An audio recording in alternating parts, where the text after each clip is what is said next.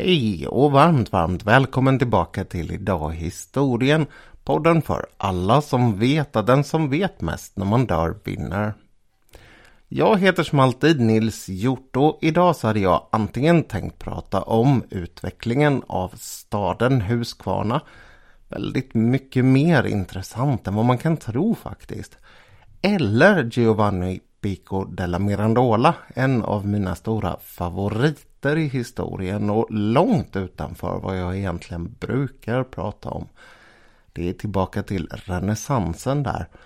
Men rådande omständigheter gör att jag skjuter de här två så att säga planerade ämnena åt sidan.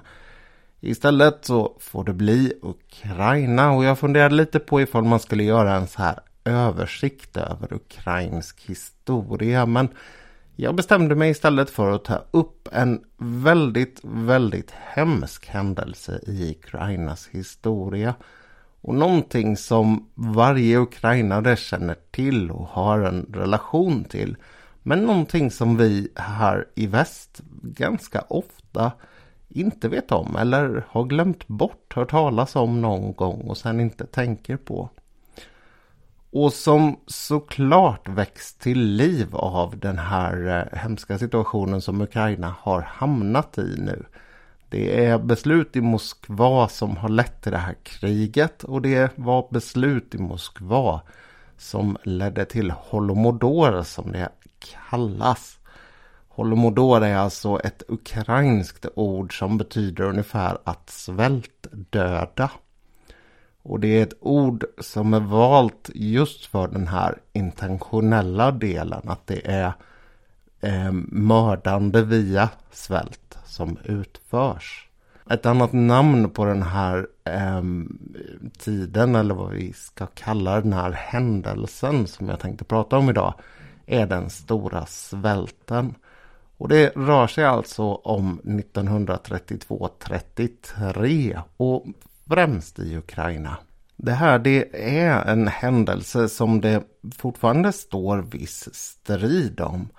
De allra flesta är helt överens om att det onekligen var så att det under sensommaren, hösten, vintern 1932 och sen in under våren och framåt sommaren 1933 avled ovanligt många på landsbygden i Ukraina. Men det finns väldigt olika uppfattningar om varför det här skedde och just det här eh, frågan då om det intentionella, alltså det planerade, det, det att man gjorde det med flit som man skulle kunna säga.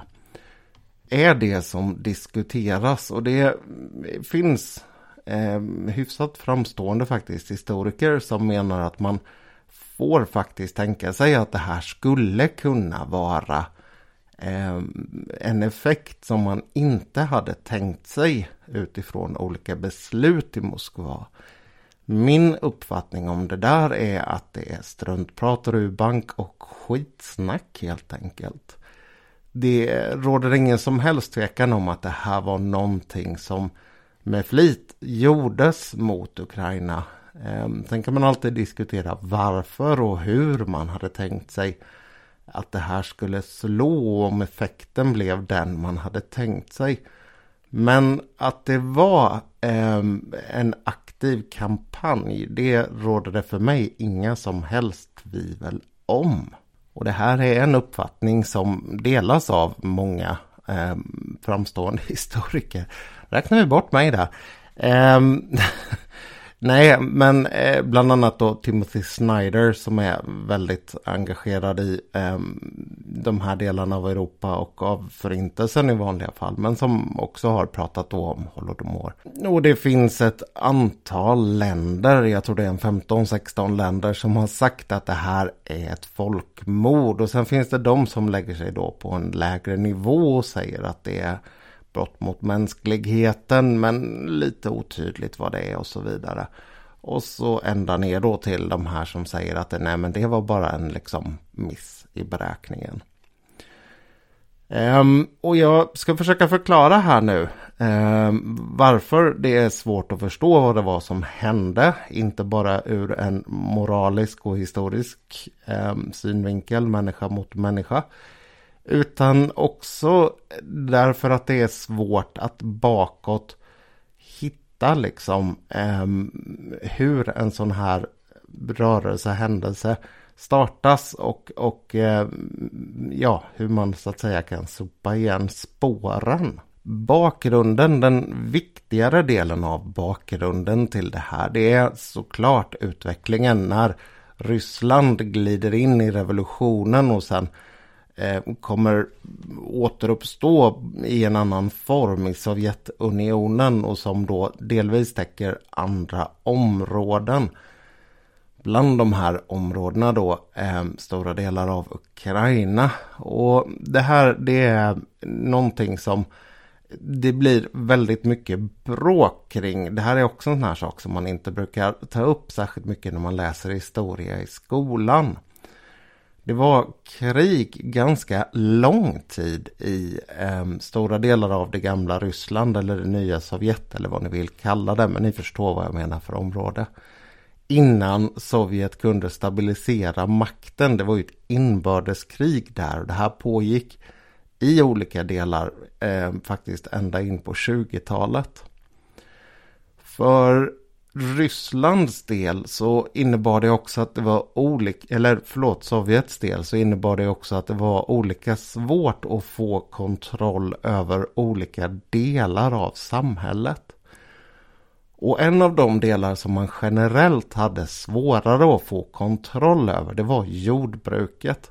Lenin han försökte väldigt hårt, väldigt fort att med olika tvångs rekvireringar, få kontroll över jordbruket och framförallt då vad jordbruket producerade. Och det han märkte, det som kommunisterna rent generellt märkte när man gjorde så här, det var att det sänkte eh, produktionstalen eh, eller vilket ord man vill använda. Bönder var helt enkelt inte intresserade av att producera när staten bara kom och tog det de eh, hade producerat. Man försöker hitta en lösning på det här problemet och då brukar man ge sig, eller brukar man kalla det för att man ger sig in i den nya ekonomiska politiken. Och Sovjet de älskade förkortningar. Det här kallades för NEP. Och NEP det gav precis den effekten man hade hoppats. Istället för att man då bara tog det som producerades så fick man nu betala skatt. En skatt som ganska ofta betalades i natura.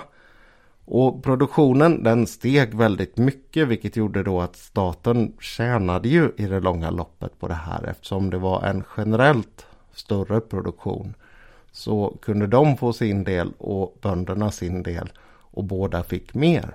Kruxet här var ju att det var ett avsteg från en rent kommunistisk princip och faktiskt då låg väldigt, väldigt nära en kapitalistisk princip. Vilket skapade en hel del huvudbry för kommunisterna. Och efter att Lenin sen dör så blir det ju en maktkamp och det blir en maktkamp som Stalin såklart kommer vinna. Men det är väldigt viktigt att tänka att den makten Stalin hade längre fram, den hade han absolut inte här. Utan han bygger upp den och han bygger upp den väldigt mycket baserat på skräck och terror och sådana här saker. Det ligger för övrigt tio år framåt i tiden vid mitten av 1930-talet. Den kanske allra värsta tiden av sådana här kampanjer. Men redan tidigt så börjar han inom partiet att spela ut folk mot varandra och det är arresteringar och det är hit och dit och fram och tillbaka. Och en av de målsättningar han har det är att få bort den här NEP-politiken, den här smygkapitalistiska delen av det kommunistiska samhället. Det är visst motstånd, för man har ju sett att det fungerar inte särskilt bra. Och sen finns det ju självklart då ett motstånd så att säga nere på marknivå. Och i Ukraina så var det här motståndet speciellt därför att under den här tiden som har gått under revolutionen och under det här kriget som kommer efter så har faktiskt ukrainsk kultur utvecklats och nästan skulle man kunna säga blomstrat. Man har haft en betydligt mindre påverkan från Ryssland än vad man har haft tidigare. Och det här har betytt väldigt mycket för ehm, eh, den ukrainska kulturella utvecklingen. Och det här är ju någonting som man absolut inte accepterar från Moskvas sida. Därför att all form av sån här nationalistisk utveckling på andra håll är ju ett hot för centralmakten. Särskilt som det är väldigt uppenbart att just Ukraina inte vill vara en del av det här. Och Ukraina var en väldigt stor del av Sovjet. Ukraina är inte mycket mindre än Frankrike och befolkningsmässigt så var det inte sådär himla långt efter heller vid den här tiden. Så eh, onekligen en av de största republikerna i Sovjetunionen. Samtidigt så är det en oerhört viktig jordbruksbygd. Det har emellanåt kallats för Europas kornbord. Det är fantastiska förutsättningar för att odla i stora delar av Ukraina. Och vid den här tiden så skulle då folk som har den här uppfattningen om den stora svälten som jag har säga att Stalin eh, så att säga försöker lösa samma problem på, flera problem på samma gång här. Han behöver få in en hel del pengar för att bygga upp en industri i Sovjet. Det är väldigt viktigt för honom att Sovjet blir industrialiserat och att det går fort. Man har de här femårsplanerna och det är väldigt högt satta mål i de första. Eh, man konkurrerar ju med USA. Man vill visa att man har en snabbare utveckling än den stora kapitalistiska fienden. Och man behöver pengar för det här. Och pengarna tänker man sig ska man kunna få genom det här efterblivna jordbruket man ägnar sig åt. Det som om man vill vara lite elak kan säga den inte så häftiga delen av ekonomin som stora industrier och sånt då eh, Ehm, istället är. Och jordbruket i den här delen av världen det var faktiskt ganska efterblivet vid den här tiden om man jämför då med Västeuropa eller USA. Ehm, det saknades bland annat enkla saker som plogar på väldigt många bondgårdar. Och det här kan man ju då jämföra med USA där det till exempel går väldigt bra i området omkring Oklahoma fram till ungefär den här tiden. Och sen börjar då den här The Dust Bowl när allting torkar och all den bra jorden blåser bort i USA. Ehm, då tog ju amerikanerna sina bilar och åkte västerut. Och det är det här som John Steinbeck sjunger, eller förlåt, skriver om. Ehm, och Woody Guthrie sjunger om. Ehm, den här stora flytten för Okies från eh, de här förstörda områdena och västerut till Kalifornien. I Sovjet, i Ukraina, så fanns det inga sådana här möjligheter. Skördarna var ganska dåliga de här åren. Och framförallt då på hösten 32 så blir det uppenbart att man har haft en riktigt, riktigt dålig skörd. Ehm, egentligen så är det inget större problem men det här kolliderar då med ett antal förändringar av lagar. Och Timothy Snyder som jag nämnde tidigare, en amerikansk historia, väldigt, historiker, väldigt framgångsrik på det här området, eller framstående. Ehm, han menar då att var och ett av de här besluten är egentligen inte särskilt eh, farligt eller vad man ska säga. Men när man lägger ihop dem så blir den aggregerade effekten att allting som den här dåliga skörden skulle kunna eh, avhjälpas igenom tas bort och dessutom så förstärker man då den negativa effekten. Till att börja med så har man då gjort en avkulakisering innan. Ehm, det är ett väldigt konstigt uttryck för en väldigt märklig företeelse. En kulak, det var alltså en rik bonde som satte sig på tvären mot kommunismen och försökte sabotera det sovjetiska samhället enligt den sovjetkommunistiska beskrivningen. I verkligheten så var en kulak i princip vem som helst som man ville bli av med. Ehm, folk var livrädda för att bli stämplade som kulaker för att de visste att generellt så innebar det antingen att man dödades eller att man sattes på ett tåg och iväg till tvångsarbete i norra Sovjet. Det förde med sig å sin sida då att folk började på olika sätt göra av med egendom och sen blev det ett hiskeligt angiveri eh, personer emellan. Det här eh, skulle ju kunna uppröra vilket samhälle som helst såklart. Men det väsentliga att ha med sig från det här och framåt är att en väldig massa faktiskt väldigt duktiga bönder, personer som har kunskap om jordarna, om jordbruk och så vidare. De har tagits bort ur den här miljön. Kvar är deras fruar och barn. Emellanåt så var även de deporterade eller dödade. Ehm, och stämplade som folkfiender då i Sovjet. Ehm, vilket ju såklart har påverkat jordbruket väldigt, väldigt mycket. När man sen då kommer in i den här svälttiden så har Stalin börjat driva på väldigt hårt för att så många som möjligt ska in och börja jobba på de här kollektivjordbruken, kolchoserna.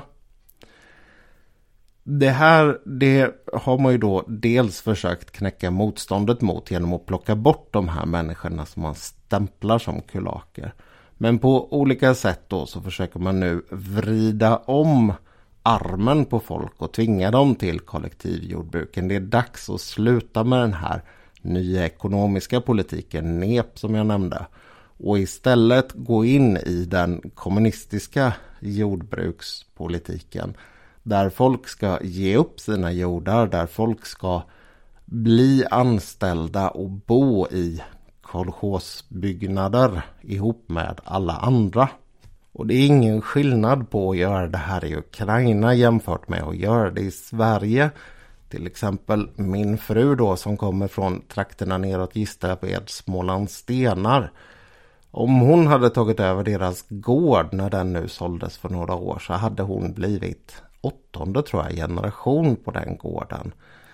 Den har sett folk komma och gå i samma släkt väldigt, väldigt länge och det har utvandrats och det har återkommit och så vidare. Istället då så skulle hennes farfar blivit utsatt för oerhört hårda påtryckningar om Sverige hade varit Sovjet. För att lämna ifrån sig den här gården, att lämna ifrån sig den mark som den här familjen hade skött och på olika sätt då försökt lämna över i så gott skick som möjligt till nästa generation. För att man skulle gå över till ett stort jordbruk där nere. Nu är det i och för sig ganska mycket skog och sådär så det är ju annorlunda om man är i Ukraina där det är eh, åkermark på ett helt annat sätt.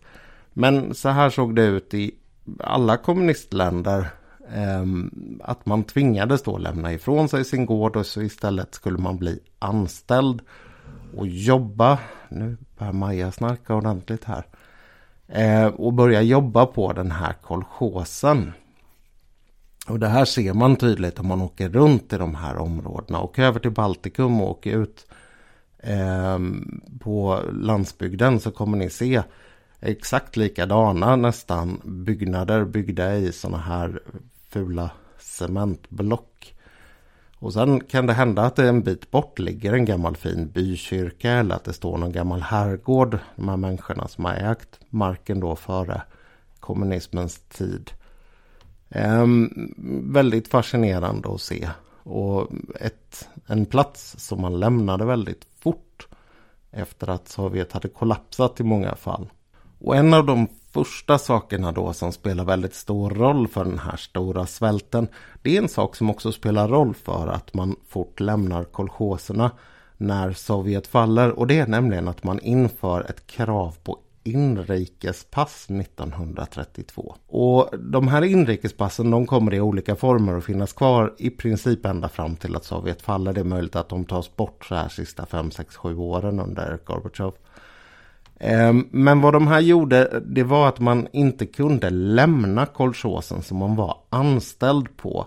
På sitt sätt en återgång till någon form av livegenskap. Du var född där, du skulle arbeta där. Om du ville börja studera, om du ville lämna kolchosen för att flytta till en stad av olika skäl så behövde du ett medgivande från kolchosledningen eller ett bonderåd. Och det här gjorde att det fanns en, en eh, liten rörlighet i jordbruksbygder i Sovjet. Och det här gjorde också att man kunde kontrollera vilka som flyttade in till städerna. Eh, jag har kompisar som har vuxit upp både i Baltikum och Ukraina. Och som säger just det att i de här sista dagarna av Sovjets tid så var det oerhört många som begav sig till Moskva. Därför att helt plötsligt så kunde man liksom bara bosätta sig där. Det hade man inte kunnat göra tidigare. Så nu har vi de här två faktorerna då. Ehm, Stalin han försöker ta kontroll över jordbruket genom att kollektivisera det. Han driver på väldigt, väldigt hårt från det sena 20-talet. Då är det ungefär ja, en och en halv, två procent kanske av bönderna som är kollektiviserade. Redan i början av 1930-talet så kommer den siffran vara över 50 procent. Och sen får man ta en liten paus där en bit in på 30-talet för att det börjar bli lite väl hetskt tycker man. Ehm, och sen så vrider man på igen och efter den här eh, stora svälten så kommer det vara ungefär 75 procent av bönderna som är kollektiviserade. Så det går väldigt, väldigt fort. På 5-6 år så flyttas alla från de här gårdarna och till eh, kollektiva jordbruk där de inte längre äger marken och produktionen sjunker något fruktansvärt när man gör det här. Eh, dessutom då så hade folk ingen möjlighet att röra sig. Man eh, fick lämna gårdarna i upp till 30 dagar tror jag utan att behöva ha särskilda tillstånd. Men man kunde liksom inte bara flytta iväg för att man ville börja studera eller för att man ville prova lyckan i en annan stad eller sådär. Då, då behövde man eh, stämplat och godkänt i sitt inrikespass.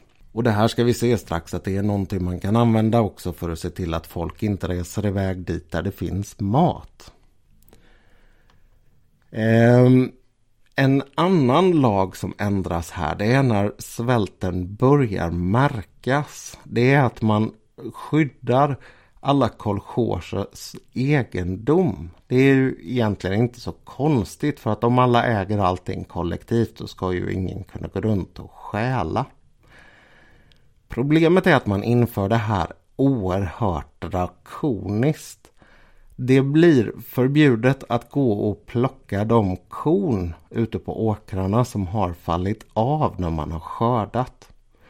Och det här är liksom ingenting som blir förbjudet och så får man en smäll på fingrarna utan folk fick årslånga straffarbetesstraff ifall de gjorde så. Det finns nog eh, en hel del fall eller det finns en hel del fall där folk har dömts till döden för att de på olika sätt då har eh, gynnat sig själva eh, på kolchosens eh, bekostnad. Och ganska triviala saker. Att de har gömt undan väldigt lite mat eller att de har plockat ihop då en hel del eh, korn på det här sättet och sen så hållit dem för sig själva. Och likadant på gårdar, bara för att bygga ett incitament för de här kolchosledarna. På gårdar där sånt här hände allt för återkommande så kunde man svartlistas vilket innebar att man inte fick handla, man fick inte lån, man fick inte liknande saker. Så för att sammanfatta förutsättningen här 1932 på hösten när maten börjar ta slut är att Stalin plockar ut så fruktansvärt mycket det går ur jordbruket. För han vill ha de här pengarna eh, som man kan inbringa genom att sälja till att bygga upp en industri. Folk som börjat drabbas av det här, de har fått betydligt svårare att eh, ordna mat för sig själva genom nya regler. Och nya regler innebär också att de inte kan åka iväg. Och när svälten sen sätter igång ordentligt så inför man regler som säger att stadsbefolkning får inte skicka eller åka ut med mat till familjen på landet. Och likadant folk då som har varit uppe i Ryssland eller i Vitryssland, något annat grannland här. De får inte ta med sig mat in i det här svältområdet. Och här säger Stalin väldigt bestämt att den som inte bidrar ska inte äta, vilket är ett citat han får från Lenin i sin tur. När det nu blir vinter i Ukraina 1932 så är situationen kritisk. Och ganska fort så börjar folk att dö. Och ganska fort så börjar en våg faktiskt av självmord att sprida ut sig också. Därför att folk de klarar inte av att se sina barn lida på det här sättet. Och som jag sa tidigare så är det oftast då mammor som har blivit kvarlämnade efter att pappan har anklagats för att vara kulak och flyttats iväg till någon form av läger, gulagläger. Och sen så är de då eh, extra sårbara i en sån här situation. Eh, vilket gör att de har svårare att få tillgång till mat. Triviala saker som att ett, de har inte en man som är där och jobbar och två, eh, de kan inte lämna barnen och ge sig ut och leta på samma sätt. Ehm, generationer börjar såklart hjälpa varandra här så att gamla människor stannar kvar med barnen medan de unga starka ger sig ut för att försöka få tag på mat. Och det cyniska i det här det är nivån som Sovjetledningen driver igenom det här på. För då har man alltså samlat in vad man redan vet är alldeles för mycket som man har tagit från bönderna. Det finns ingenting kvar för dem att äta. Dessutom så skjuter man av alla hundar och katter och man säger att det här är för eh, att man vill ha skinnen och att man ska förhindra olika bekymmer som de här kan ställa till med och så. Och det vet man, det finns också dokumenterat att de här, de alltså dödade djuren, de ligger liksom bara och ruttnar bort skyddade av eh, poliser och partifunktionärer för att ingen ska kunna komma åt och äta det köttet. Folk börjar i panik här nu äta dels då folk som har lyckats gömma undan eh, mat börjar äta vad de har. Men det är en svår situation därför att man kan inte ta det man möjligen har lyckats gömma undan till en mjölnare. Och likadant så i, i, i den mån man hade djur så var de flesta faktiskt vid det här laget redan borta. Um, när den här kulakiseringsvågen går, när man börjar försöka tvinga in folk i kollektivjordbruket så är en av de första sakerna folk gör att de antingen säljer eller slaktar sina egna djur. För att de inte ska falla i det kollektivas ehm, ägo så att säga. Och det här har inneburit vad det gäller hästar, vad det gäller nötdjur, vad det gäller får och getter. Att omkring hälften har försvunnit skulle man kunna säga rakt över. Eh, ännu mer vad det gäller får och getter. I ett, som jag har sagt och försökt återkomma till hela tiden, sanslöst förstörande av en traditionell jordbruksbygd. Det är nog så viktigt att trycka på det här hela tiden. Att när man ger sig på en jordbruksbygd på det här sättet och försöker förändra ägarförhållandena. Försöker förändra liksom eh, långa traditionsbundna mönster så kommer folk sätta sig på tvären. När man börjar göra av med de här människorna så kommer kunskap att försvinna. Och när man börjar fatta eh, beslut väldigt långt bort om hur man ska kontrollera eh, det här området och att man ska börja odla helt andra saker än vad man tidigare har gjort faktiskt i många fall. Ehm, så innebär det att, att ehm, folk inte kan och inte vill delta.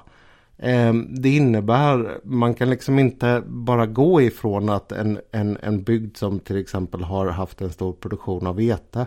Att säga att de här jordarna är väldigt goda, nu ska vi odla bomull här eller vad som helst annars. Det går inte. Folk har inte de rätta kunskaperna. Folk har inte... Alltså förutsättningen finns inte där. Eh, vilket är ytterligare ett sätt då som man förstörde det här på. Det Stalin delvis var ute efter lyckas då tyvärr i den här situationen. Det finns precis som det finns olika beräkningar av antalet offer för den här politiken. Olika beräkningar på hur mycket mat som exporterades från det här området samtidigt.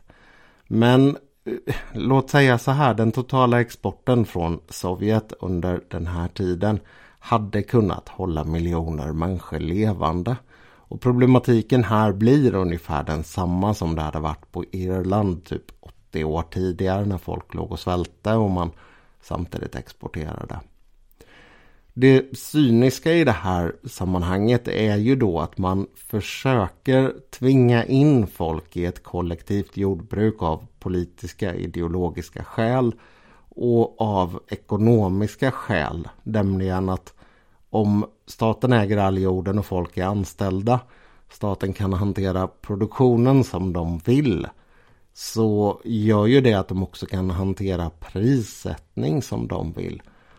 Och då hade man ju kunnat hålla väldigt låga priser tänkte man och exportera väldigt mycket för att få in kapital för att bygga upp en industri. Och just det här var ironiskt nog ett stort problem som man hade i Sovjet. Att man inte kunde ha den slutna ekonomi man hade hoppats på inom kommunismen utan man var beroende av världsmarknadspriser när man skulle exportera saker för att eh, få in kapital. Efter eh, att vintern började ta slut och in på våren så blev det faktiskt ännu värre i Ukraina. Eh, det fanns absolut ingenting att äta. Folk åt sniglar, ormar och igelkottar och sådana här saker. Um, nu började ju vid den här tiden också kannibalismen att sprida ut sig. Det gick så långt att myndigheterna var tvungna att sätta upp stora anslag där man fastslog att kannibalism var barbari. Um, som om folk inte visste det. Som om folk gjorde det här för att de... Ja, är det så jävla dumt bara. Och samtidigt hela tiden då så står man och exporterar det här som ukrainarna har producerat. Samtidigt så, så säger man nej till utländska hjälporganisationer som erbjuder mat. Eh, det var inte på något sätt och vis så att omvärlden inte visste om vad som pågick och det här det gör egentligen hela situationen som sker ännu mer tragisk att man i väst, åtminstone delvis, glatt lät sig luras av de sovjetiska rapporterna. Det fanns en hel del personer som var i det här området. Det finns foton tagna av västerlänningar. Det har skrivits om det här i olika tidningar. Bland annat svenska tidningar. I engelska tidningar, i amerikanska tidningar, i franska tidningar. Vid tiden i alla dessa länder så skrevs det om det. Samtidigt så jobbade Sovjet såklart stenhårt på att inte på något sätt folk skulle få reda på att folk låg och dog på gatorna i byar och låg ute på fälten och kved till döds för att de inte orkade men försökte arbeta för att kunna hjälpa sin familj. Och det här gjorde man ju genom partiapparater runt omkring eh, i olika länder. Och det här gjorde man ju såklart också genom olika typer av eh, ambassadörer och kulturorganisationer och så vidare och så vidare. Man hade oerhört sorglig utveckling att folk köpte det här. Det var också en hel del personer som bjöds in från väst för att komma och hälsa på i de här områdena och sen skriva rapporter hem. En politik som man längre fram skulle ägna sig åt eh, i Kina också. Och då visade man ju upp ett slags mönsterbyar, Potemkin-kulisser eller vad man vill kalla dem. Byar där alla mådde jättebra och det inte fanns någon svält. Och sen att det runt hörnet i nästa lilla by såg helt annorlunda ut. Det lyckades man ju såklart lura sig eh, själv att man inte behövde kontrollera. Eh, en av dem som lär ha varit på sån här resa är George Bernard Shaw, dramatikern. Även inom Sovjet så fanns det eh, de som visste om det här och ville larma eller vad man vill kalla det. En av de mer namnkundiga som gjorde det var Alexei Kosygin som skulle bli oerhört framstående längre fram under Brezhnev. Eh, det finns många roliga historier om honom men stundens allvar kanske inte passar för det. Men ja, vi släpper den. Um, men Kosygin när han då hörde av sig till Stalin och förklarade situationen, förklarade hur illa det var i Ukraina så blev han bara hånad och folk runt omkring de visste vid den här tiden på tidigt 30-tal att om Stalin snackade illa om någon, om Stalin öppet hånade någon då fanns det ingenting att vinna på att stötta den här personen. Intressant också med tanke på dagens utveckling är att olika områden de påverkades olika mycket. Och de påverkades olika. Bland annat så var de olika hårt drabbade av sjukdomar som följde eh, med svälten. Men det var också olika hur många som dog. Och det sa jag ju tidigare, det är fortfarande strid om hur många det var som dog och vad det egentligen då var som gjorde att de gjorde det. Men någonstans mellan 3,5 och 5 miljoner människor är det som dör här under kortare tid än ett år.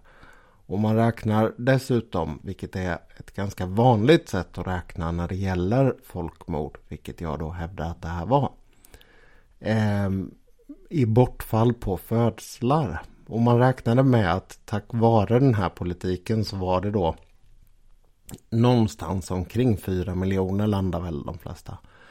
Eh, ovanpå det 6 miljoner uteblivna födslar. Så vad finns det då för ursäkter att ta till de här människorna som säger att det här inte var ett folkmord? Jo, men Timothy Snyders linje då och, och även min linje skulle jag säga. Jag köper hans resonemang.